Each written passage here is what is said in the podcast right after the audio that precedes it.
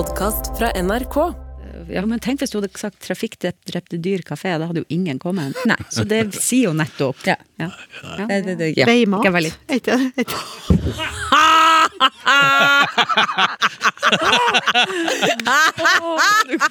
Nå var du god.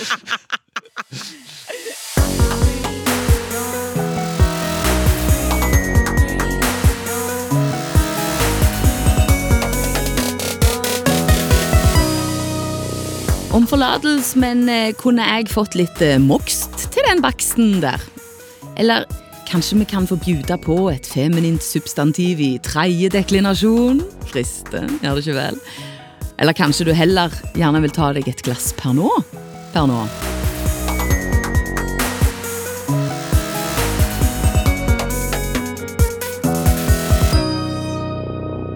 Velkommen skal du være til denne ukas språkkalas. Og for en fest dette skal bli. Godt mulig folk ikke er klar over hvor mye kos en egentlig kan ha med kasus, til dømes. Vi snakker jo om dekadente fester, men hva med en fest i tredje deklinasjon? Hæ? Det må jo være helt fantastisk. Vi skal lære hvor på fisken tukken og vøler er. Eh, Programledinga har ikke tjukke l-er sånn naturlig, så det må vi bare Vi skal prøve å finne ut av det. Vi skal også prøve å finne ut av hvorfor Bent Høie sier mangen, og ikke bare mange.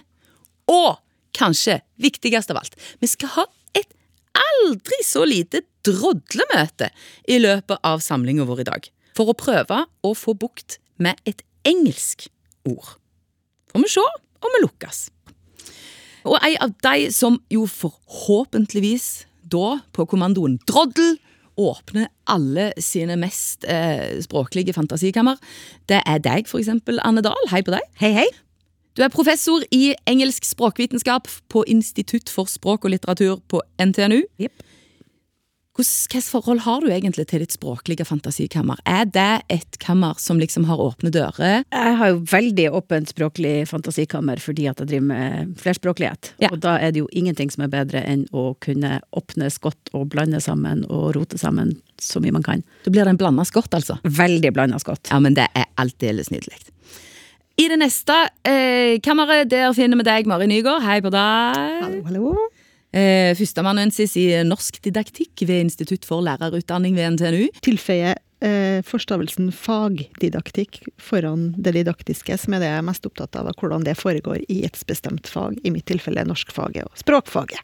Ikke fordi at vi skal gå eh, fullt ned i didaktikken akkurat nå, men altså, fins det en ufaglig didaktikk da? Eller? Vi lar den henge, tror jeg, Ja, okay. Den er grei. det er helt supert. siden vi skal ha så mye annet å snakke om. Ja, hjelp meg, for vi kan jo gå videre til sistemann her, Anne, da. Altså en som kanskje har knekt didaktikken. Jeg vet ikke helt. Går det an? Jeg har undervist mye. Ja, ja, ja. Olaf Husby, hei og velkommen til deg òg. Førsteamanuensis i språkvitenskap fra NTNU. Rektor ved Fonetikkskolen eh, fra NRK P2. Og straks på vei ut på nye eventyr i Vietnam, var det så? Ja, og Ja. der handler det om språk. Ja, det er jo. Så jeg jobba i et lite eh, prosjekt der vi utvikla læremidler for språklige minoriteter i Vietnam. Sånn at ungene får start på skolen på sitt morsmål. Og så går de over på vietnamesisk når de blir eldre. Og det håper vi fører til at de blir bedre integrert og gjør bedre karriere når de blir voksen. Da. Så om en måned så sitter de langt oppe i fjellet, en plass som heter Aloi. Altså, Jeg har ofte lyst til å gi deg en klem, Olaf, men akkurat nå ble denne andre veldig sterk. altså. Så utrolig kult prosjekt! Fantastisk. Og velkommen skal dere være, vårt eminente panel. Takk for det. Da kan vi jo dure av gårde med spørsmål én. Kort og grei melding fra eh, Martine Johanne. Hei. Jeg lurer på hva som avgjør om et navn er et såkalt guttenavn eller jentenavn. Når vi går rundt omkring og heter noe, så tror en jo at folk bare forstår hva en heter for noe, da. men Olaf, det er ikke alltid sånn. Nei, men mye av navnene er nok òg knytta til sedvane. ikke sant? At, at en, en, en, rekke av lyd som blir knyttet til en person, det blir etter hvert knyttet til andre personer av, av, av samme kjønn. og Sånn sett så får du jentenavn og gutt, guttenavn. Ja. Så er det jo noe overlapping, enkelte navn som, som kanskje går på, på begge kjønn. Men jeg har, jeg har satt og kikka på litt, eh, litt eh, statistikk som jeg fant fra 1880 og utover, for å se om det er, er det noe som skjer med navn her. Og det som er veldig tydelig nå på de eh, her popularitetslistene, den siste var fra 2022, det er at de aller fleste jentenavn i dag de slutter på vokal. Ja. Og åtte av ti slutter på A. Der er en, eh, I, der er en E i Sofie, og så er det et jentenavn Iben, så er den eneste med konsonant. Og guttenavnene de slutter på konsonant. ja. Og det betyr at navn som da var vanlig når jeg vokste opp, f.eks. at, at uh, unger heter Frode, Terje, Arne, ja, de heter jo det, de blir jo døpt sånn men de navnene er på vei på en måte, langt bak i, i, i de, de, de er ikke på, Ja. øverst på, på statistikken. Og det samme gjelder da jentenavn som, som ja, Gerd, Bjørg osv. Det er jo ting som, som eh, Det går an å tegne litt statistikker på. Nå er A populær, nå går den ned, nå kommer den tilbake igjen. Så ser man eh, eh, faktisk at, at, det er sånn kollektiv eh, endring i det her. Eh, noe av det her er nok eh, influert av innvandring òg, at du får en del navneskikker. Men det er jo ikke så mange at det slår opp ut i det store, i det store bildet. Eh, det er en tendens til pynting av navn. Vi ser noen ganger så kommer det bokstaver som kanskje ikke er nødvendig. Et ord som Wenche kunne man jo forvente var skrevet en V-E-N-K-E. Ja, det er langt, langt nede på statistikken, men hvis du dobler og, og lager W-E-N-C-H, så er det mye mer populært. Og vi ser nå mange navn som får en liten H på slutten. Så du finner eksempel Lea, Nora. Og det klart, De forstyrrer jo statistikken nå, men Nora ender jo på A når vi sier det, og Lea òg. Og guttenavn Noah, de med H, eksempel, på slutten. Men det vi ser er jo altså Rundt øh, forrige århundreskifte så var det en sånn tendens til mer vikingnavn og, og eldernavn.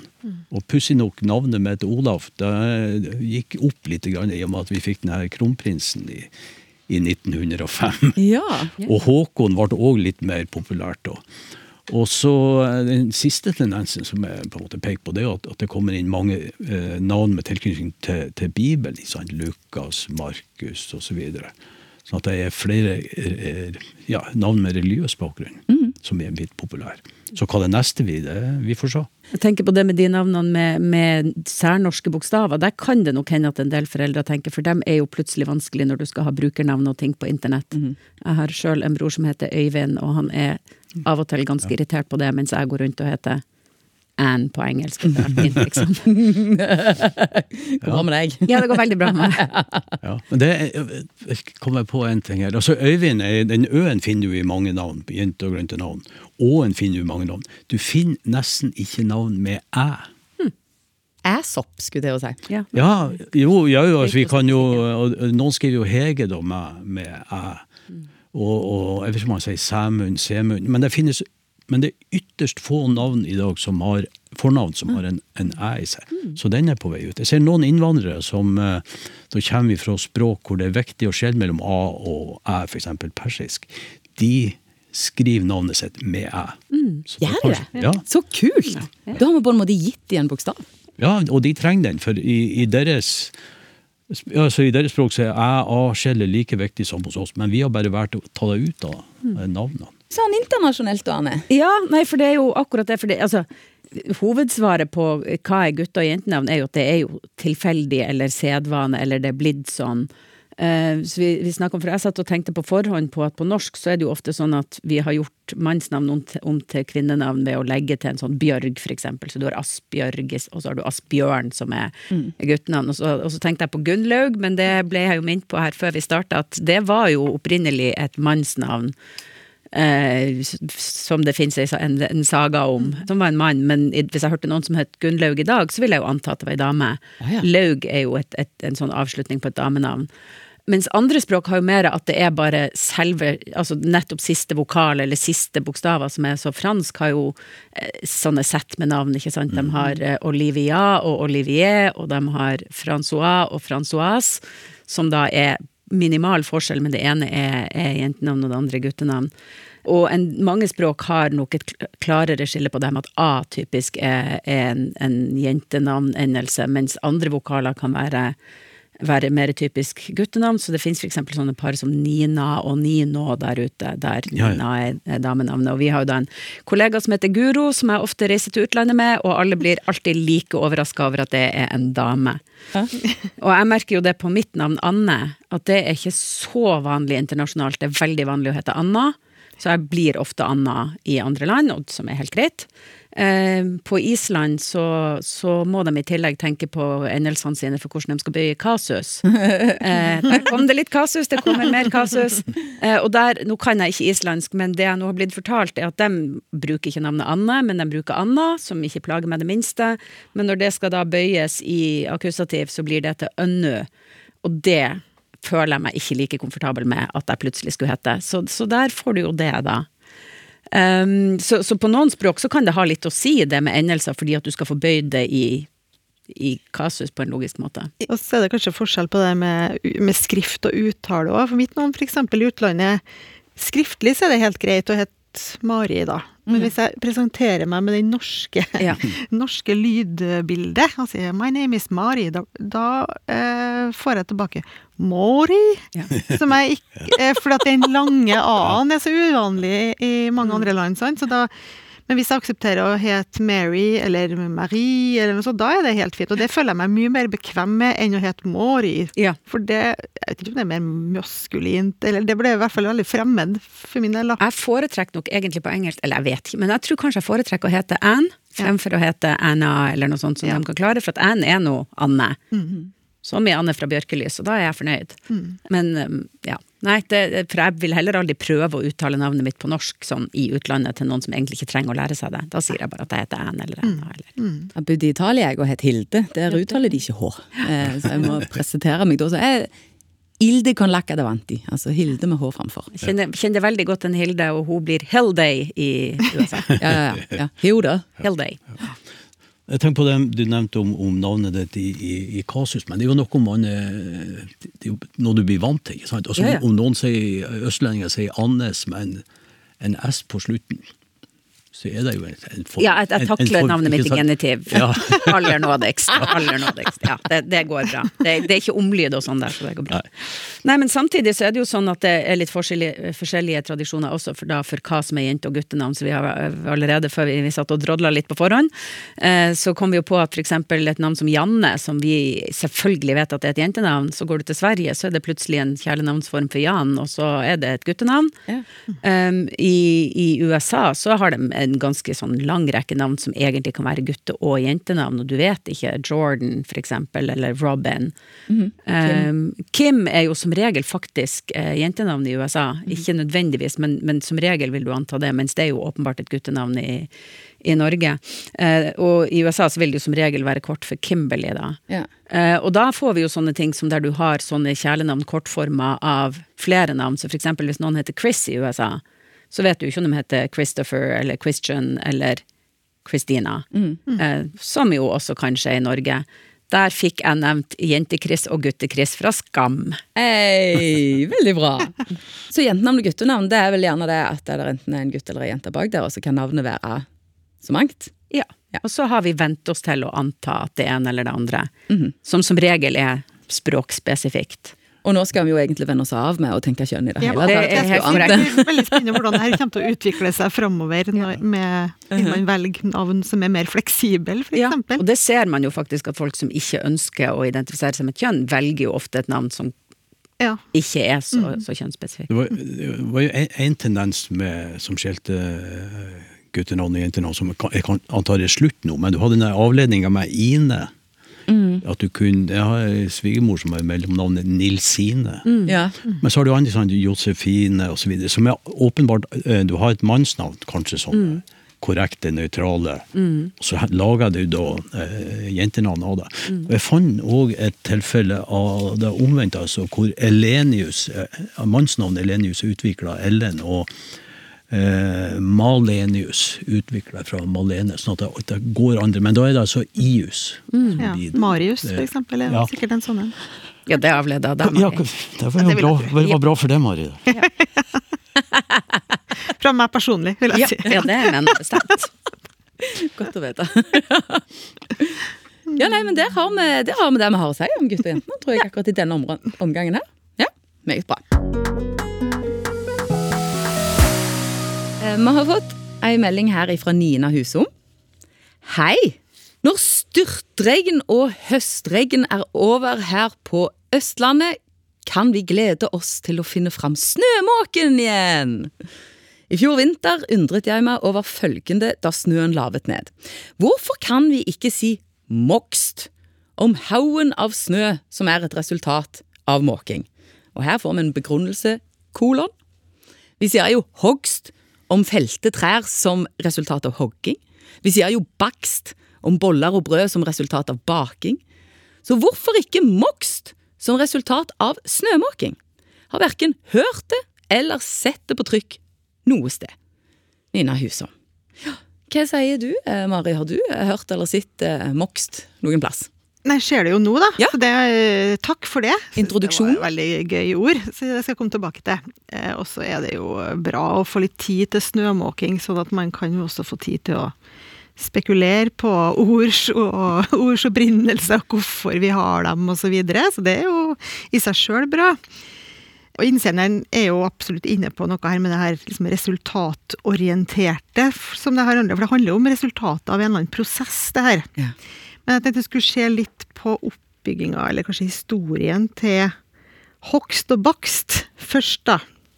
Og da måtte jeg grave litt i det her, og jeg fant ut at det fins, eller vi kan kanskje si fantes, et sånt opphav som er fellesgermansk, som egentlig er et slags sånn suffiks, stra, eller som ofte står igjen som str, men som ikke har helt den samme moderne formen, eller finner ikke på samme måte i moderne språk. Så vi hadde opprinnelig bakstr og hogster. Der r-en har forsvunnet, så har vi fått bakst og hogst. Det er jo ganske greit, sant? R-en er borte. Eh, og så er det litt det samme vi finner i en, noen talemål, eller noen eh, ord, da, der man istedenfor å fjerne r-en har fått en innskutt e, sånn som vi for eksempel blomster, så har, kan, får man ordet en blomster. Så det er en sånn type språkhistorisk utvikling som har eh, foregått fra det vi tror er urgermansk, da. Det er jo rekonstruert, selvfølgelig, og, det, og der det har, man tror at man hadde det her elementet stra. Og det er samme som man finner i urnordisk i, ord, eller i stedsnavn som Osterøy, Ørsta, Luster, Jølster. Vi kjenner den str-forbindelsen, da. Og så hva det betyr. Eh, I en gammel gammel bok fra 1800-tallet, fra en som heter Arnesen, så fant jeg eh, et sitat om at det handler om å uttrykke et middel til å gjøre det stamordet betegner.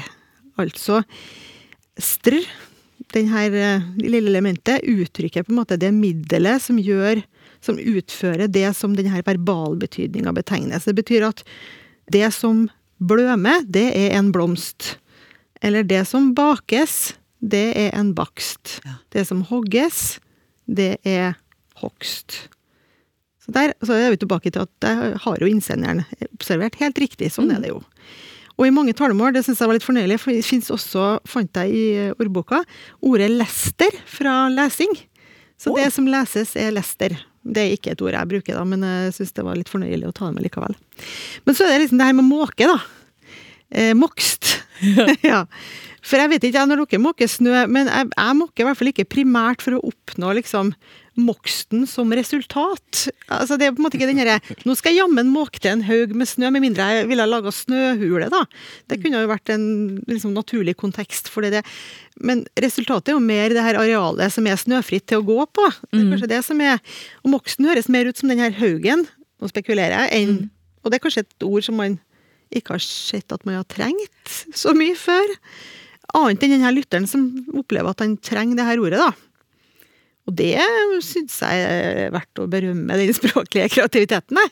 Ja, en hard mokst Ja, i dag. altså, for det man gjør her, er jo egentlig å benytte en sånn type produktiv måte å lage ord på.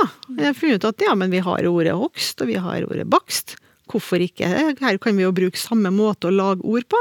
Sånn holder vi jo på å lage ord i norsk og andre språk. For eksempel hvis jeg ville lage en, eh, et adjektiv av ordet stol, så kunne jeg jo si at det var veldig stolete. Ja. Eller en, noe som var veldig hildete, for eksempel. Ligna veldig på Hilde, Ja. men har blitt et adjektiv. Så det er jo litt det samme, at man lager nye ord ved hjelp av de her, denne grammatikken som man har tilgjengelig, da. Så eh, ja. Ære være kreativiteten og Og det er ingenting Velkommen til veien med å bruke ordet mokst. Nei. Det er ingen som har brukt det ennå, så bare kjør på, så ha patent, kanskje, eller Eller bruk det. bruk det. Ja. Det er jo masse ledige i det store regnearket over hvordan norske stavelser kan se ut, så det er masse ledige felt. Altså. Ja. Det har vært sagt, men jeg tror aldri det er beregna, men det har vært sagt at norsk består av 5000 ulike stavelser. Og jeg har begynt å lage et regneark, og jeg tror i hvert fall jeg ender på 50 000. Det betyr altså at det er masse altså Derfor er det mange, mange mange ledige ord- Det er så masse nye ord vi kan lage. Og enormt, altså. Jeg Så kikka på... litt må du på få med seg resten, da, og, Ja. til å bruke det. Ja. Det det Jeg fant, jeg fant fire ord som inneholder KST eller GST på slutten. og Det er snakk om eksempel at kornet skulle stå sju uker i vekst og sju i ekst, altså på akse. Og så er det et ord brikst, som kommer av nynorsk, det er brigde. Ei endring i brikst, altså det er ei endring. Og noe som er på rekst, noe som er på rek, eller ja, i, i bevegelse. Og endelig drakst, der du drar etter det. Så, så her, er, her er folk som har begynt å fylle noen av de her cellene her for lenge siden med, med ordene. Men de er ikke i bruk, altså. Men bare så dere vet det, her har altså Olaf et eh, Excel-ark med masse ledige hull. altså, dette er et så fint mentalt bilde oppi som meg at jeg bare gleder meg til du nå blir bombardert ifra våre kjære lyttere. Folk som har lyst til å pjåte inn i dine små Excel-hull. Å, så vakkert, altså. Excel til folket. Jeg syns vi skulle lage mer snøhull i all den moksen som ligger rundt omkring, for da hadde jo vinteren blitt likere. Ja, ja, ja, absolutt. Eh, eh, ut og kose seg med moksen, sier Ja. jeg. Ja, ja, jeg si. Kan du gå inn og kose deg med baksten etterpå? Ja. Åh, fantastisk. Så skal vi til et dialektalt spørsmål. Skal, eh, geografisk sett så skal vi til Roan. Mitt faderlige opphav, som var fra Roan på Fosen, brukte uttrykkene tukken og vølene. Vø- Vølene, vøl... Beklager, jeg er jærbu, vi har ikke den tjukke L-en, men det skal altså være vølene med tjukke L. Nynorskordboka fører opp tokken som gjella, men hva er vølene? Dette finner jeg ikke i ordboka. Jeg oppfatter de to uttrykka til å være i samme område på fisken. Kan språksnakk greie ut? Særdeles eh, masse lykke til fra Kjell Leregen. Og altså, det er jo mye trøbbel for det første bare med dette her med den vølinga. Altså dette, det, når det er tjukk L, det kan jo være RL, det kan være RD. Men altså, Olaf. Her er det nok eh, opphav i en skal vi si, en vanlig L, altså, som, bare, som har utvikla seg til en tjukk L. Bare lagt på seg litt. Ja, han er fra vøl til vøl. Ja. Eh, Jeg kommer jo fra kysten, så jeg burde jo kjenne til det her. Så jeg satt jo og tenkte lenge, og jeg har hørt ordet uh, vøle, men Og tokten, tokna, det kjenner jeg veldig godt, ikke sant. Er Gjellene. Og det vil si eh, røde gjellebuene, som vi kaller for, for toknene. Du løfter på gjellelokket, og så ser du de under. Men vøle har jeg, jeg har aldri hørt om en del på fisken. Nei.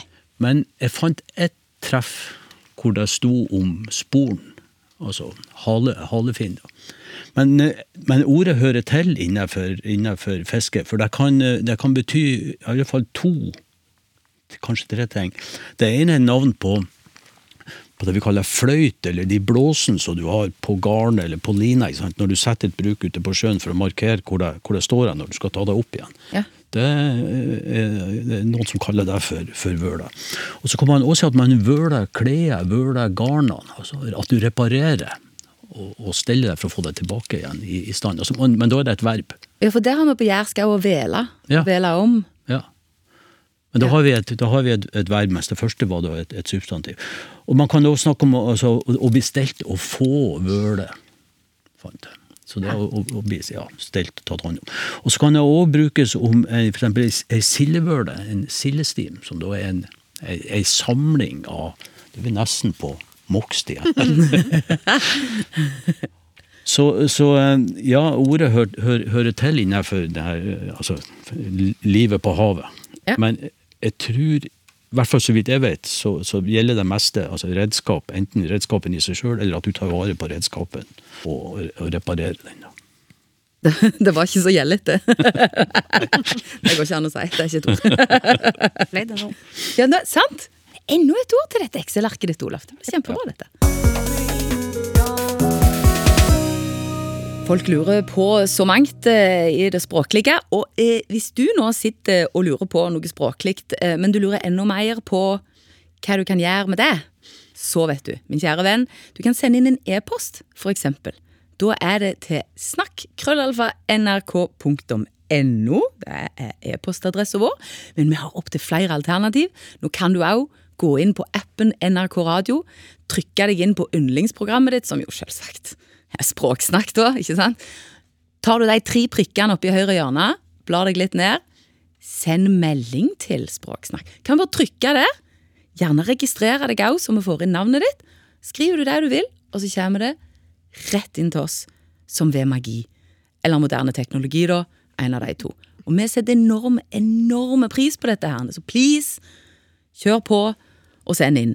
Du kan jo rett og slett få litt inspirasjon her, da, for vi har fått ei tilbakemelding fra en lytter fra det sentrale Ausland, og det gjelder dette ordet polakk. Og nå skal jeg lese litt uh, tysk innimellom her, og det har jeg faktisk øvd på, men så får vi se, da. Hei! Jeg hørte på siste utgave av Språksnakk. Der ble blant annet betegnelsen polakk drøftet. Ordet har blitt oppfattet som nedsettende.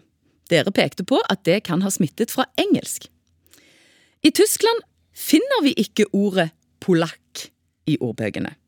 Nå brukes der påle og de polin, men polakk har vært brukt. På Wikipedia kan vi lese Polacke ist einen historisch neutrale, im heutigen deutschen Sprachgebrauch stark abwertende Bezeichnung für Polen, altså ein etnofaulismus. Altså det er en sterk, nedsettende betegnelse for polakker, står det i den tyske ordboka. Så fortsetter vedkommende. Tyskere jeg har snakket med, bekrefter denne negative betydningen. Så da kan man lure på om det hjelper om vi nordmenn fortsatt prøver å legge noe nøytralt ned i betegnelsen, som dere jo foreslo, når den oppfattes nedsettende både i engelsk og tysk. Nå kan vi imidlertid lese videre på Wikipedia. Sie, altså die Bezeichnung Polak, ist der polnischen Sprache entlehnt, wo Polak die standardsprachliche Bezeichnung für Pole ist. Altså, polakkene sjøl bruker polakk om seg sjøl. Så er det kanskje greit at vi prøver å renøytralisere ordet. Men jeg er redd polakker i Norge vil oppfatte det som negativt all den tid det er nedsettende ment både i engelsk og tysk. Vi får kanskje spørre et utvalg polakker hvordan de oppfatter ord i Norge. Enig at det er vanskelig å finne et avløserord hvis det skulle bli aktuelt. Og altså, Toril Oppsal har jobba med norsk som andrespråk, i lag med en hel skokk med polakker, til dømes. Enkelte av de syns at dette er problematisk. Men det henger jo sammen med språkbruken som at en har en polakk. Altså, en har da en underbetalte håndverker som spør hvor høyt når du sier hopp. Altså, Jeg tror at dette her handler om denne herren ovenfra og ned. Det nytter ikke hvor du er ifra. Altså, det er ingen som liker å bli sett ned på. Hvis det bare blir normalt å være varierte, så kanskje det mister litt av punchen.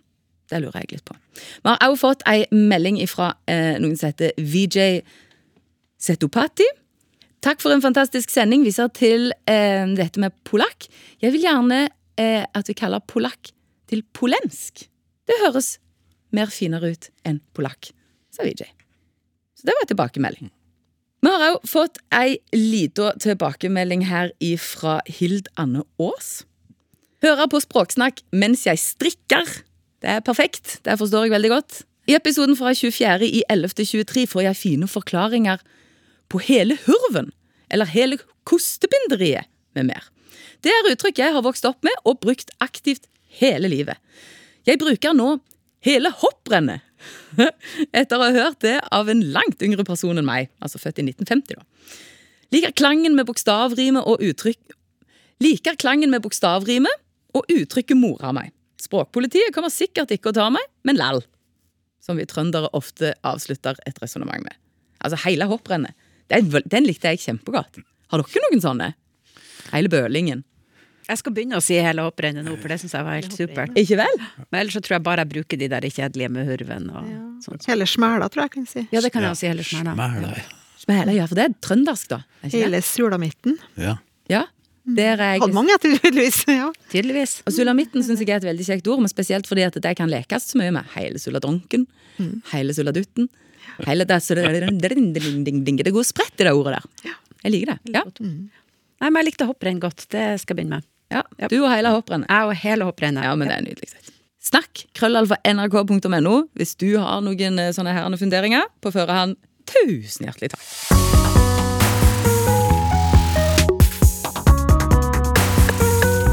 Det er litt sånn snedig med radio, for det sant, En hører jo på stemmen til Anne Dahl, ikke sant? Jeg tenker at hun Liflig røyst, ikke sant? høres ganske ung og fresh og i det hele tatt. Men så viser det seg der at Anne Dahl hun gikk egentlig til klassen til lille Marius. Hun gjorde det. En eller annen gang på sånn, sånn ca. 1880, no, ja, der, ikke sant, så dette her. Nå Veldig. Veldig, veldig. Veldig. Holder meg godt. jeg drev, jeg, drev, jeg drev og lette etter noe bibelsk, og så sammenligna jeg med, og jeg fant Sara, da. Hun fikk jo sitt første barn i en alder av sånn 127, så det er jo bare å liksom dure på. Ja da. ja da. Ja. Ikke noe stress med. tenker jeg. Men altså, nå har du fa har altså, fått leita fram latingrammatikken din. Ja, Det har jeg. Bra med deg til nå. Ja. Så skal vi alle sammen fryde oss med Anne, og det er Helsingtina, dette her. Hei! Samtalen rundt kveldsmatbordet i går dreide seg om kasus på latin. Den starta med at vi lurte på hvorfor Securitas har tass i navnet. Da måtte vi jo innom en liten diskusjon om latans, latinske genitivsformer og så bort dette. Men altså, hvorfor har Securitas tass i navnet? Og nå er det kasus kos med Nå er det kasuskos og latin, og nå, nå eh, Jeg studerte i hvert fall latin i forrige århundre, så det er helt oppriktig. Så det er litt rustent, er det. Men, eh, men jeg tror det her skal bli rett. Det viktigste er at vi trenger slettest ikke å gå til genitiv eller vanskelige kasus for å finne denne tassen i Securitas, for den dukker nemlig opp i nominativsformen. Og nominativsformen er på en måte den vi regner som utgangsformen, det er som regel den du finner i ordboka osv. Det er ikke det samme som stammen av ordet, men, men når man lærer seg et ord på latin eller språk med kasus, så lærer man det først i nominativ. Eh, og securitas er nominativsformen. Ordet betyr sikkerhet, og det er et ord av av hokjønn, altså feminint ord, i tredje deklinasjon. Eh, ja, nå blir det gøy. For kasusbøying på latin, den avhenger av to ting. Kjønnet på ordet og bøyningsklassen, eller det vi altså kaller deklinasjon. Sånn at ord, ord med samme kjønn kan likevel bøyes forskjellig fordi de er forskjellig bøyningsklasse. Det er for så vidt ikke så veldig eksotisk, sånn er det nå i norsk også med en masse ord. Genitivsformen av securitas er securitatis, så da blir altså s-en i tassen borte. Det gjør den i alle kasus unntatt nominativ og vokativ. Um, for i vokativ så er formen lik nominativ. Det gjelder jo alle latinske substantiv unntatt maskulinum i andre deklinasjon. Som jo alle vet. Det er derfor vokativ er det beste kasuset. Å ja. Ja, men så, så i alle de andre kasusene så, så blir det altså en, en T istedenfor en S i denne tassen. Da. Tredje deklinasjon det er en bøyningsklasse der du ikke kan vite kjønnet på ordet basert på eh, eller, eller bøyningsklassen basert på endelse eller på, på stamme, som du ofte kan med andre substantiv. Og det som gjør at du kjenner igjen denne deklinasjonen, du kjenner igjen et ord som tredje deklinasjon, er nemlig den her, nettopp den IS-endelsen som kommer i genitiv, altså i securitatis. Eh, og fjerner du da den is-en, så får du stammen av ordet. Så stammen av ordet er securitat. Og det er, hvis man tenker seg om, så er ikke det her eh, Det er ikke et rart ord på latin. Det er egentlig et veldig normalt ord på latin, fordi at den her itas, eller etas-endelsen, er, er veldig vanlig i latin. Det er veldig mange sånne ord. Og mange av dem kan vi egentlig. Veldig mange av dem har blitt til y i engelsk. Eh, Så da har vi securitas, eller securitas sa de nok på latin, som har blitt til security. Credibilitas, som har blitt til credibility. Og cavitas, som har blitt til cavity på engelsk. Um, et annet ord i samme klasse, det er veritas, som vi jo da kjenner fra det norske veritas. Og også fra et ordtak som mange kan på latin, in vino veritas, som betyr i vinen sannheten, eller altså sannheten er i vinen, som er eh, latin sin måte å si at du får sannheter fra barn og fulle folk. Skål. Skål for den. Um, det visste de allerede da. Um, de her substantivene de kommer da typisk fra adjektiv, som har fått denne substantivsendelsen lagt til. Så i dette tilfellet så snakker vi om adjektivet sekoros, som betyr sikker, trygg. Kan også bety likeglad og likegyldig, eh, tror jeg. Og så, så da legger man da, man får, har sekoros, og så legger man til itas og får sekoritas. Og dermed så ligner det jo egentlig veldig på eh, det norske trygg eller sikker. Man har adjektivet trygg, adjektivet trygghet, og så legger man til substantivsendelsen het, og får substantivet. Og eh, denne itas-endelsen er nettopp en substantivendelse som typisk legges til et adjektiv på latin for å få et substantiv som betegner en tilstand. Så tilstanden av sikkerhet kommer fra sikker pluss het. Sekoros pluss itas. Kult! Der har vi det. Og den likte jeg kjempegodt, Anne! Ja, men kasus er jo så gøy. Og Nå var det gøy. så mye rot og klutter oppi hjernen min her nå, og så sa du det altså, Å, det var kjempekjekt! Takk. There we go. Det er kos med kasus, altså. Kasus er kjempegøy. Er du mer? Nei, nå har jeg ikke mer kasus for nå. Vi skal videre til et eh, emne som jeg må innrømme at traff programledelsen midt i pæra. Det er Ellen Bonde Ormestad, Bonde Ormestad som eh, har sendt inn Hei. Jeg hører på programmet med glede hver eneste søndag. Nå skriver jeg til dere fordi det er et uttrykk som jeg hører oftere og oftere, og som undrer meg. Uttrykket per nå. Det er særlig reportere på NRK TV som bruker det. De sier per nå der jeg ville sagt hittil. Det brukes også der jeg ville sagt akkurat nå. Hvordan mener dere at dette har oppstått og blitt så populært? Og så er greia at her har vi et lite lydklubb fra Dagsrevyen eh, 25. januar, der det handler om ei bortføringssak på Løten. Eh, Politiinspektør i Innlandet politidistrikt Liv Hilde Nytrøen greier ut.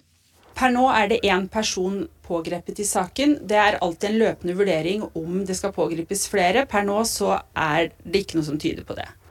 I dag ble det søkt med hunder på eiendommen, og ca. 200 meter fra huset ble det gjort nærmere undersøkelser.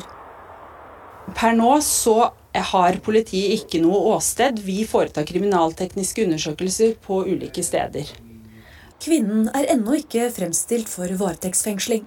Per nå er det ikke tatt stilling til om den siktede kvinnen skal fremstilles for varetektsfengsling. Hun er nå i avhør, og så vil det foretas en vurdering opp mot de øvrige innhentede bevisene i saken, og da tas det stilling til om hun skal fengsles.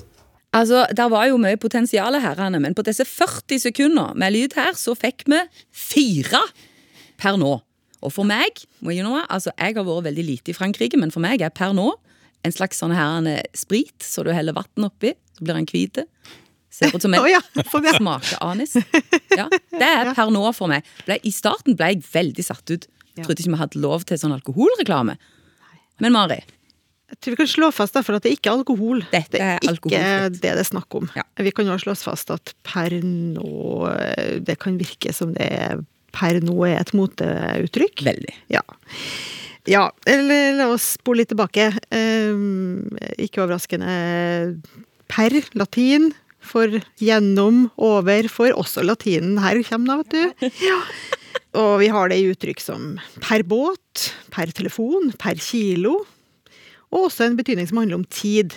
Altså eh, på det eller det tidspunktet. Per 1. februar. Det er det mer sånn Det er ikke så unaturlig måte å bruke det på.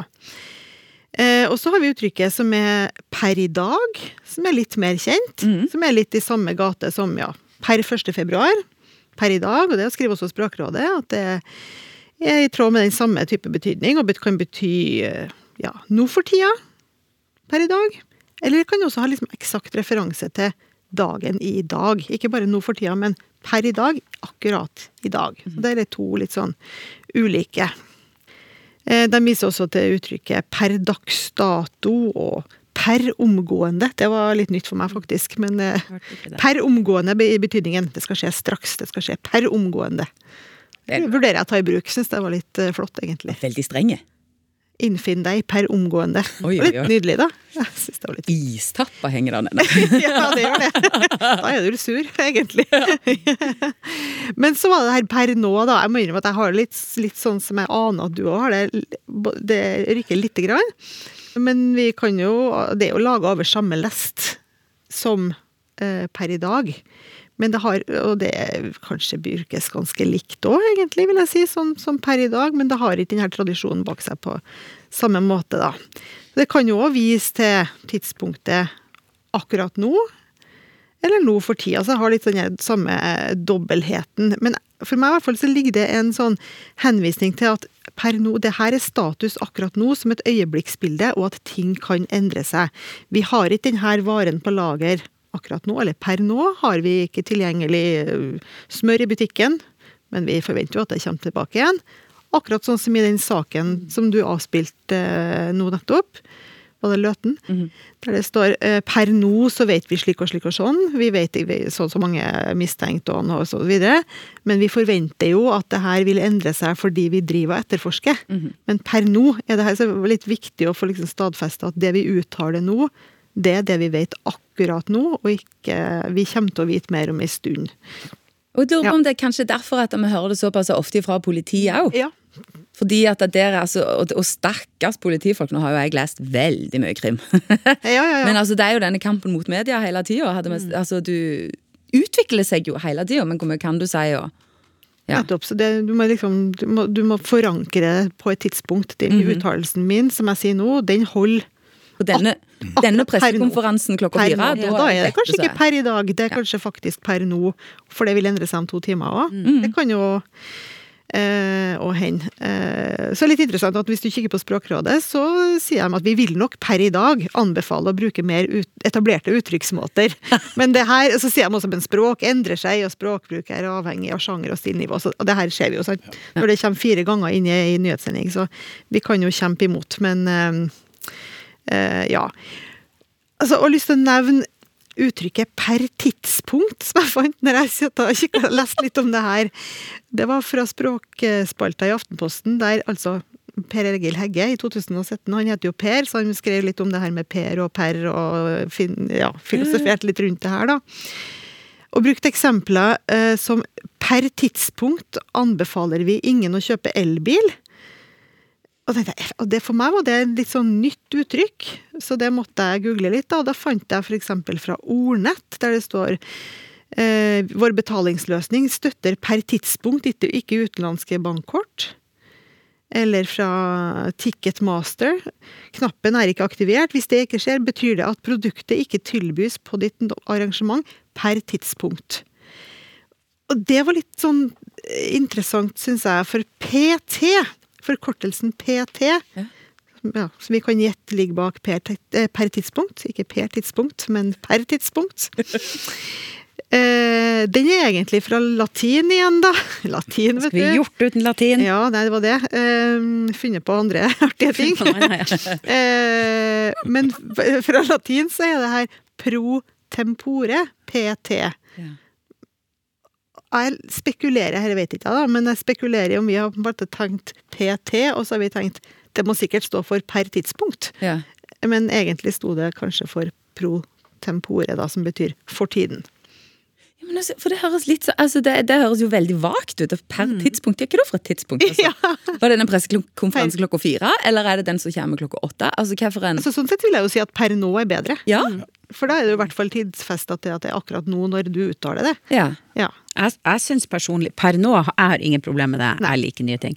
Men det er jo, uansett om man liker det eller ikke, så er jo det i hvert fall et nytt uttrykk som gjør noe helt spesifikt som vi ikke har et helt altså Selvfølgelig kan vi si akkurat nå, men vi regner med at det skal forandre seg. Vi fikk sagt det før òg. Ja. Men det er et nytt uttrykk som veldig presist sier noe helt spesifikt, som for eksempel eh, politiet absolutt trenger. Mens det der per tidspunkt klarer ikke jeg å se at sier noe som ikke noe annet kan si. For hvilket tidspunkt Det, da? det trenger du nesten ikke å si det i hele tatt. Akkurat nå har vi si- ikke Per nåværende tidspunkt. Da, da, da går jeg med på det. Da er jo- Endelig, men helt ok. Men per tidspunkt? Ja, hva da for et tidspunkt? Ja, nei, det kan du si. Typisk sånne herne latinfolk, vet du, og elsker de nye greiene. Jeg skal begynne å innføre nye lånord fra latin. Et av spørsmålene vi har fått inn til snakket krøllalfa nrk.no handler om noe kanskje litt morbid. Eh, Vi skal til veien. Hei. Jeg har observert mange påkjørte dyr langs veien den siste tiden, både i Sverige og Norge. I den forbindelsen har jeg lurt på om det finnes et norsk uttrykk for roadkill. Trafikkdrepte dyr eller påkjørte dyr er så tungvint å si sammenlignet med roadkill. Det er så mange slag å uttrykke at det stikker kjepper i hjulene for flyten i samtalen om de stakkars dyrene. Takk, det var alt. Beste hilsing Morten. Altså, Der fins jo noe som heter Roadkill Café. Det er from, from our grills to yours.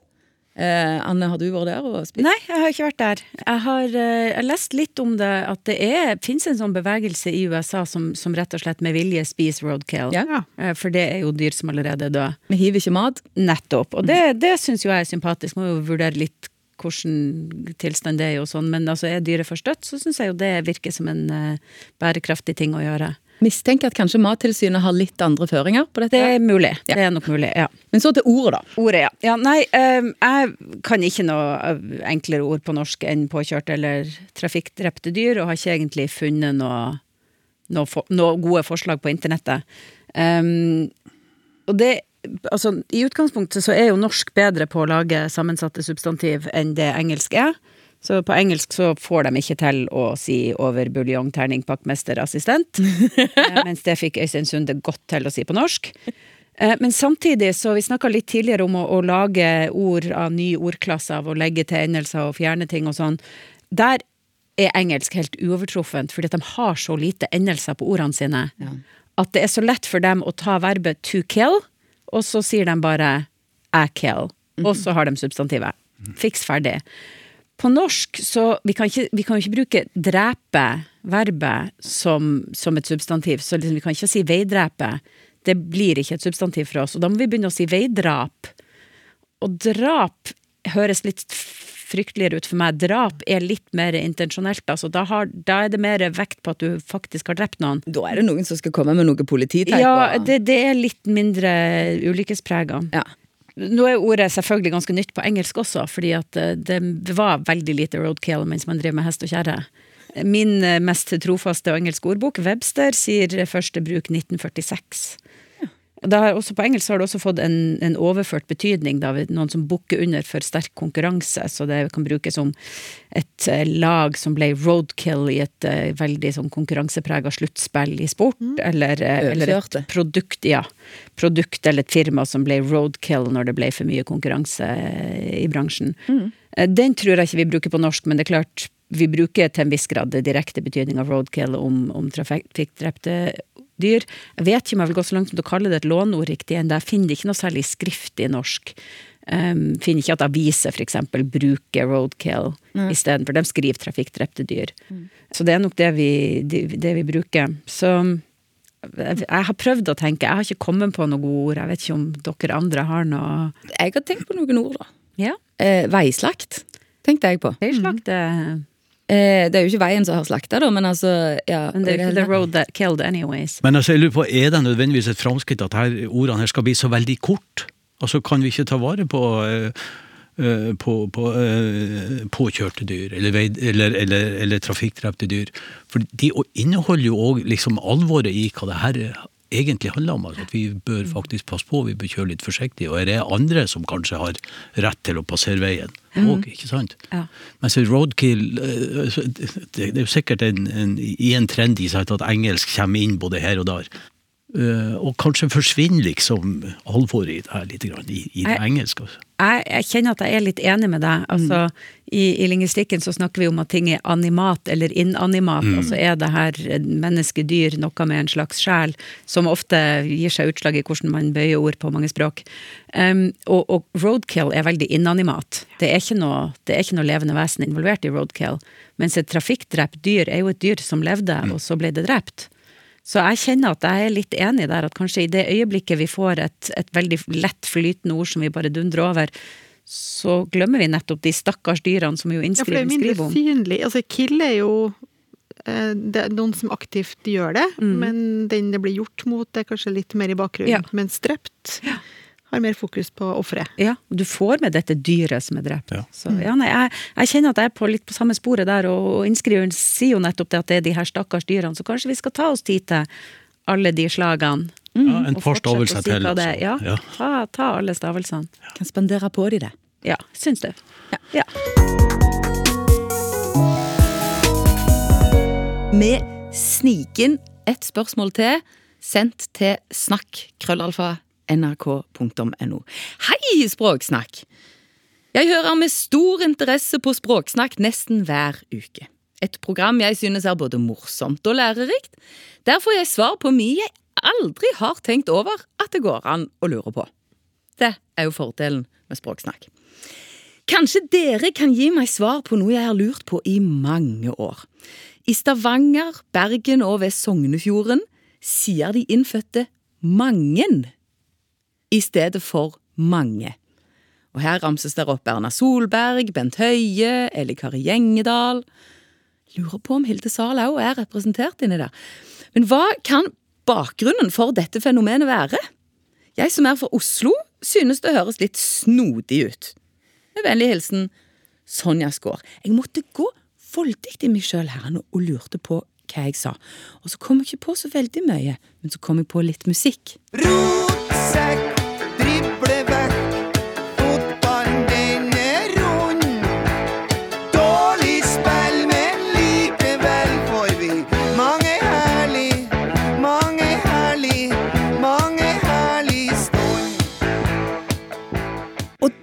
liksom syns jeg at det hang litt sammen på en litt annen måte. Mang ei, ja, men da sier jeg mangen. Ja, jeg kan jo si det, Olaf, kan jeg ikke det, da? Ja, ja. Og du kan si mang ein, mang ei, mang ett, ikke sant? Ja. Eh, altså, la oss si du har en, en mengde med ting. Du har, eh, her er det I fotballsangen der, så er det jo mange stunder da han har opplevd på, på banen. Men la oss si du har mange hus, eller mange biler, eller mange unger. ikke sant? Hvis du ønsker å peke på én i den mengden, så kan du bruke det uttrykket 'mang en unge har sagt', 'mang en bil har kjørt på dyr', og 'mangt et hus' eh, ikke sant, har ramla ned. Og, og da er vi altså inne på, på enkeltobjekter, sånn individualisering. Men så har vi ikke noen form for flertall der. Vi har jo ordet mange, ikke sant? Men du har ikke, og da peker du på hele gruppa. Og det her ordet eh, mangen her tror jeg er utvikla ifra mang pluss én. Og så får du et nytt ord, mangen, og det kan du bruke om flertall. Mangen hus, mangen biler, eh, mangen jenter, mangen gutter. Altså det, det, det, masse treff på den jeg søker på, på tekst på, på internett. Så det er rett og slett en form som tror jeg er forlengelsen. Man har oppdaget her er det ei, høl i, i matrisa. ikke sant? Du har et felt her som vi må fylle ut, og så putter vi inn mange, og da kan du begynne å snakke om flere ting. Mens når du har mang én, mang ei, mang ett, så snakker du om, om, om enkeltting. Da. Og vi finner jo de her uttrykk, eller ordene igjen i mange uttrykk. Man sier jo mangt og mye. Så der har du den T-en, da. Og, eh, eh, og i mange tilfeller vil det være synonym til mye. Ja, det er mangt man kan si om det. da. Og da har du jo intetkjønnsformer, da, for i og med at du ikke har et innhold som peker mot et, et hannkjønnsord et hokjønnsord. Er, jeg har sendt parallell til det. Det, ikke sant, det er mangt en kan si om det. Men mangt, da er ikke tellbart, Mang, mens mange, da er det Tellbare. Et tellbart flertall. Ja. ja. Og den her mang én, så peker du på én Ja. i den her mengden her, ikke sant, som du, du ønsker på en måte å individualisere, men i mengden. Ja. Og der blir det jo en dialektform som har spredt seg på, på Vestlandet, at man bruker mange Og hvis man antar hvis de som bruker ordet, hvis de prøver å sjekke hva slags- ord er det som kommer bak, når det er mange, så vil jeg anta at det er ja, det er kanskje både entall og flertall der. Mangen gutt, mange gutter. Med jærbu-bakgrunn. Ja. Hvis jeg, når jeg tenker på Bent Høie, og det gjør jeg ikke så ofte, men da hører jeg han for meg si liksom det, Vi er mange som ikke vet helt hvordan dette her skal gå. liksom Så han fører meg på disse her kjipe pandemi-pressekonferansene og sånn som dette her. er det altså, men da er det jo ikke, det er jo ikke mange én, det er mange. Ja, og da er det flertall. Men er, ja, ikke sant? Ok, ja, Så da blir det bare en flertall, da. Men Ja. Kan vi skrive dette her, eller er dette her bare sånn muntlig dialektal? Ja, altså det er, det er, er bare å gå på nettet, så finner du masse treff på mange. Så det går bra. Men er det forskjell, og nå er blir det et spørsmål, da, for her er jo ikke min dialekt, men er det forskjell på om man sier 'vi er mange', altså, og da står det for seg sjøl? Sier man da 'vi er mange folk', eller sier man da 'vi er mange folk'? Jeg ville sagt Eh, vi er mange.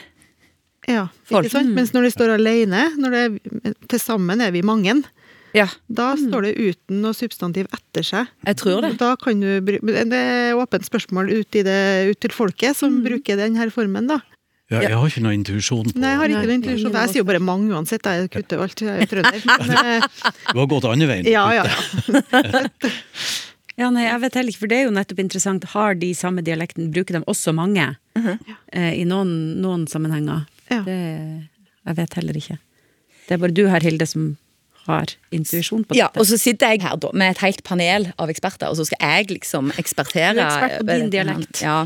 Men det er da det er greit å vite at det sitter ganske mange rundt omkring eh, radioene sine, og så skriver de gjerne inn da, til oss. Snakk krøllalfa nrk.no. Hjelp oss. Du hører at vi trenger all den hjelpa vi får. Og det var beint føre det vi hadde å tilby her ifra Språksnakk for i dag. Vi vil takke vår eminente panel som har bestått av Marie Nygaard, Anne Dahl og Olaf Husby. Produsent det var Jørgen Aune Hagen. Tekniker var Martin Våge. Jeg har vært programleder og heter Hilde Zahl. Snakkes!